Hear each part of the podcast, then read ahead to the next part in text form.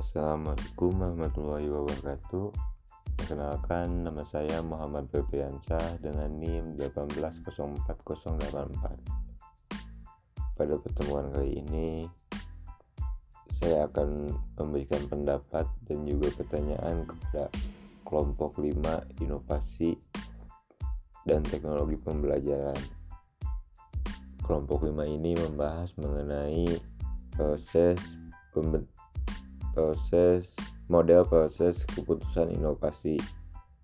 Nah, di sini kan dijelaskan bahwa ada tiga. Yang pertama itu adalah pengetahuan, persuasi, lalu keputusannya.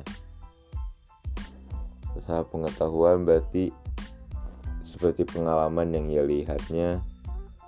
Lalu ada tahap persuasi untuk membentuk sikap yang menguntungkan atau memilih sikap yang tidak menguntungkan. Lalu ketiga adalah keputusan. Nah yang ingin saya yang ingin saya tanyakan adalah ada di sini ada tahap konfirmasi. Pada tahap konfirmasi ini disebutkan bahwa tahap konfirmasi diperlukan untuk mencari penguatan atas keputusan inovasi yang telah dibuat. Lalu ada yang dinamakan dengan disonansi suatu keadaan pikiran yang tidak nyaman yang ingin dikurangi atau dihilangkan oleh individu. Nah, apa sih baga apa sih dan bagaimana hubungannya dengan inovasi yang ada atau yang akan dibuat? Apa hubungannya?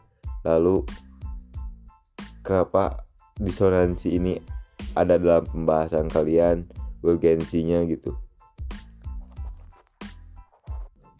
Lalu selanjutnya kan di sini dijelaskan bahwa ada tahap pengetahuan, persuasi, dan juga keputusan. Nah, yang ingin saya tanyakan adalah apakah hanya pengetahuan saja yang dibutuhkan dalam model proses keputusan inovasi? Apakah tidak ada ilmu atau ilmu ilmu atau digabungkan dengan ilmu pengetahuan atau hanya pengetahuan saja atau pengalaman? Ya, sekian dari saya untuk pendapat dan pertanyaan kepada kelompok 5 mengenai model proses keputusan inovasi. Mohon maaf bila ada kekurangan dan mohon untuk dijawab pertanyaan saya. Terima kasih. Wassalamualaikum warahmatullahi wabarakatuh.